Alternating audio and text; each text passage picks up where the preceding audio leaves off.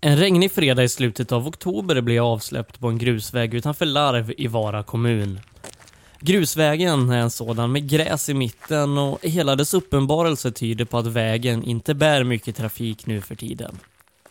Jag går in mot samhället och helt plötsligt uppenbarar sig en bilverkstad mitt ur ingenstans. Klockan är 11.48 och det är 12 minuter kvar till stängning.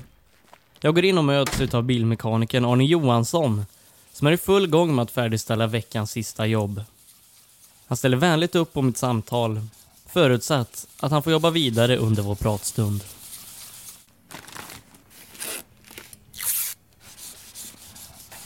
Ja, jag heter Arne Johansson och jobbar som bilmekaniker i Larv här då, gjort i hela mitt liv. Min far höll på med det också min bror så att det var en naturlig bana. Bilverkstaden är ett familjeföretag där Arne har jobbat sedan några år tillbaka. Ja, brorsan har den och sen har jag varit bilhandlare här i Larv så jag har ju sålt 3000 bilar. Det slutade med det 2003.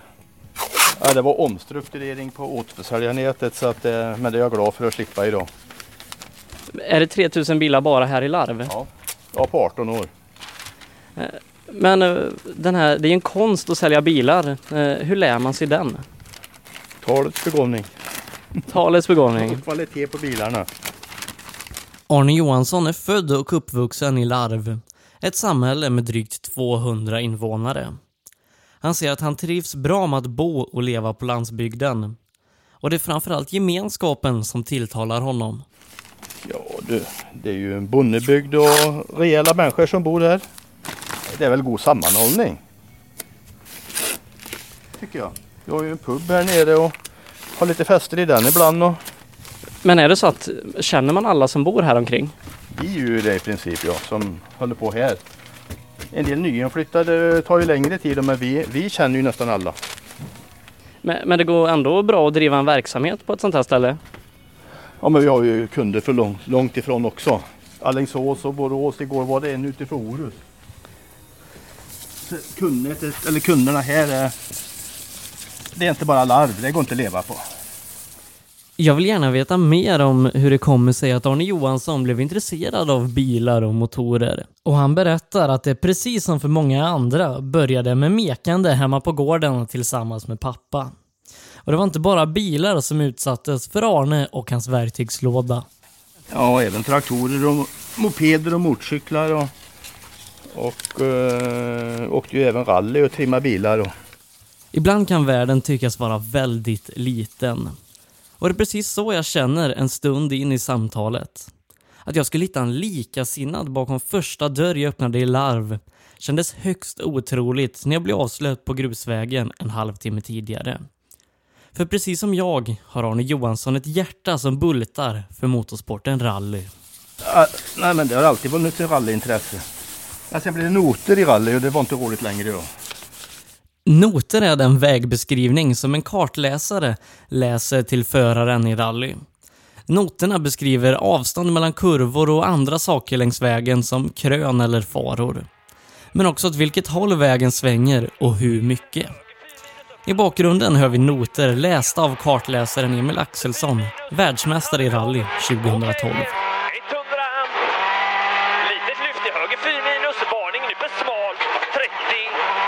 Arne Johansson berättar om hur det går till att köra rally utan noter. Nej, det var ju bara eh, utmärkt när det var fara så att säga.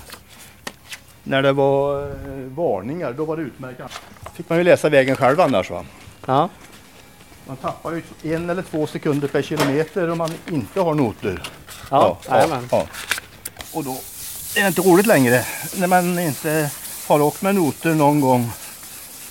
Kört 50 tävlingar utan noter, då ska man inte börja med det. Då ska man inte börja med noter.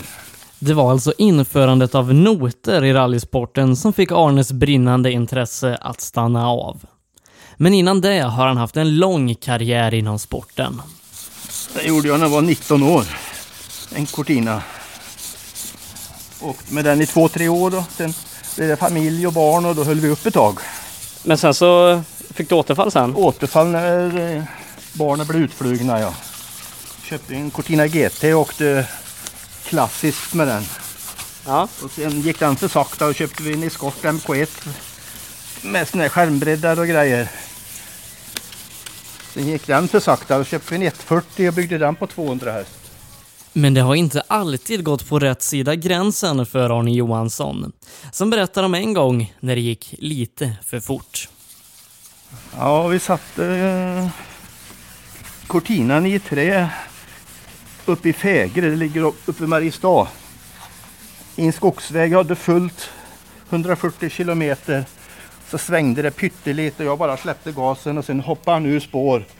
Rätt ner i diket och 75 meter bort i diket stod en björk. Så den bara tog rätt i höger strålkastare och sen gick vi upp så den slog i taket. Och så vrider vi oss runt. Men det missödet stoppade inte Arne Johansson från att fortsätta köra rally. Ja, jag fick betalt utav farsan för att sluta köra rally men det, det hjälpte ju inte. Och så slår klockan till slut 12 och Arne Johansson ska påbörja arbetet med att stänga verkstaden inför helgen. Men innan jag går vill jag veta om han har haft några planer på att åter börja köra rally. Jag köpte en 242 jag skulle bygga. För Appendix K då, åka Midnattssolfallet. Men då blev det ju noter det året. Och då sålde jag bilen. Ja, men nu har de väl tagit bort noterna igen? igen ja. Men bilen har gått till Tyskland för det finns inga 242 i Tyskland att köpa för pengar. Midnattssolsrallyt är norra Europas största historiska rallytävling för bilar tillverkade 1990 eller tidigare. Och 2016 vanns rallyt av Arnes klubbkamrat Kenneth Bäcklund tävlandes för Vara Motorklubb. Men, men vad var det som lockade med att åka Midnattssolsrallyt? Nej men det är atmosfären. Det skulle ju även vilja åka svenska rallyt. Ja, det är ju klassiker där också nu sedan fyra år. Arne Johansson förklarar att det är dags för stängning och jag ber mig ut i oktoberrusket igen. Men med ett leende på läpparna efter mitt möte med Arne. Det finns tusentals olika intressen som förenar människor över hela vår planet. Och att jag och Arne skulle dela samma passion i livet kunde nog ingen av oss ana när jag klev in över tröskeln en kvart tidigare. Jag lämnar larv och beger mig hemåt. Men jag kan inte sluta förundras över hur liten vår värld egentligen är.